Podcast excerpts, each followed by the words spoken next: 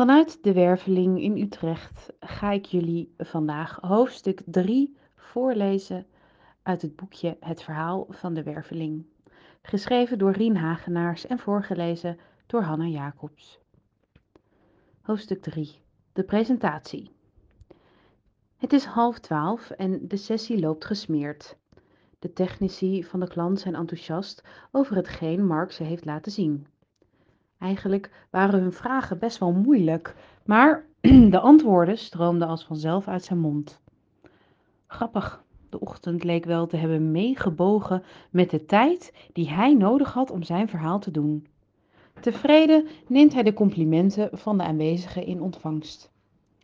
De middag gaat op aan het uitwerken van de offerte die naar aanleiding van de presentatie moet worden gemaakt. Rechtsonder in zijn beeldscherm ziet Mark het klokje van naar vijf uur gaan. En ineens herinnert hij zich weer die krankzinnige ervaring op het station. Stel je niet aan, hoort hij zichzelf mompelen. Hij sluit zijn computer af en keert dan weer terug naar huis. De trein, het station, de poortjes en de piano. Maar dan ziet Mark dat daar nu een Chinese vrouw aan het spelen is. Ah, die zit er wel vaker. De stationomroeper meldt vertraging. Door een defecte overgang tussen Serthogenbos en Eindhoven. Niks vreemds aan de hand. Mark rijdt langs de BSO en haalt de kinderen op. Thuis aangekomen is Marijke ook net terug van haar werk. Ze barst los met een heel verhaal over haar chef, die alweer bij haar kwam klagen over haar baas. En met haar opleiding psychologie vindt ze het altijd leuk wanneer mensen met dit soort vragen bij haar komen. Ook al werkt ze nu als marketingmanager voor een food groothandel.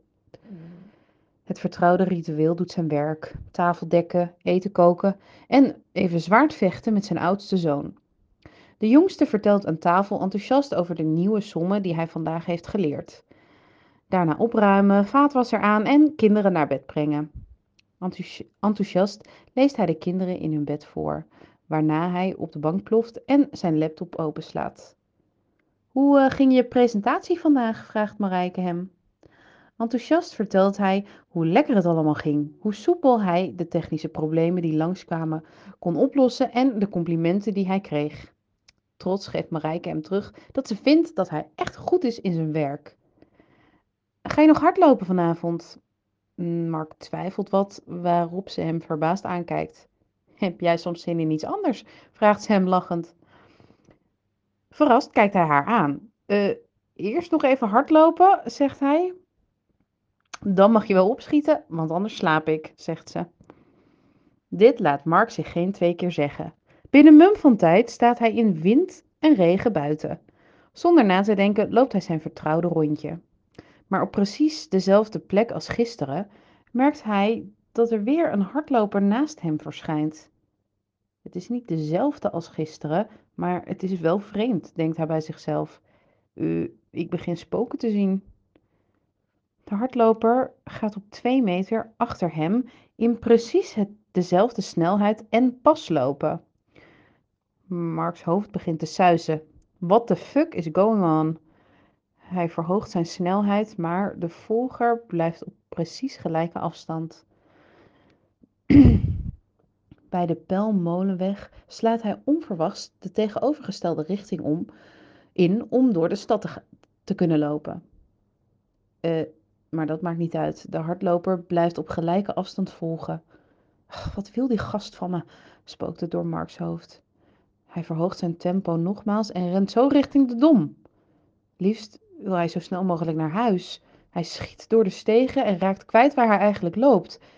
En dan komt hij op de Mariaplaats. Hè? Hoe ben ik hier terechtgekomen? Voor het eerst, zolang als hij zich kan herinneren, is hij de weg in zijn vertrouwde stad kwijtgeraakt. Hij vertraagt en zo ook de volger. net op het moment dat hij zich wil omkeren, passeert de hardloper hem. Verbaasd kijkt Mark hem na en leest dan op de achterkant van zijn trainingsjack WIM 2DTG. Oh, het was gewoon iemand die me gebruikte als trainingshulp, denkt Mark. Heb ik me daar nou zo druk om, om gemaakt? Vast een buitenlandse toerist die de weg niet kent. Enigszins gerustgesteld keert hij huiswaarts. De gedachte aan Marijke kaapt zijn aandacht en het duurt niet lang of hij geniet van de aanraking van haar huid. En precies wanneer hij op het punt staat zich in haar te verliezen, brandt op zijn netvlies W-I-M What's your magic? Two days to go. Een acute freeze doet hem stilvallen en verbaasd kijkt Marijke hem aan. Voel je je wel helemaal oké? Je ziet zo bleek.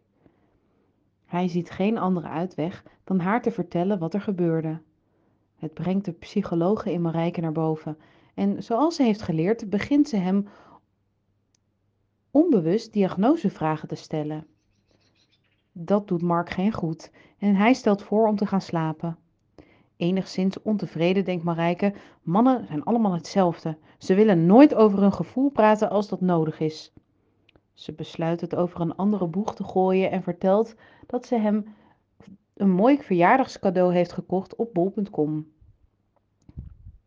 Mark doet zijn best om zo rustig mogelijk over te komen. En zo vallen ze in een slaapachtige stilte naast elkaar in bed in slaap, ieder verstrikt in een eigen gedachtenwereld. Volgende keer weer verder.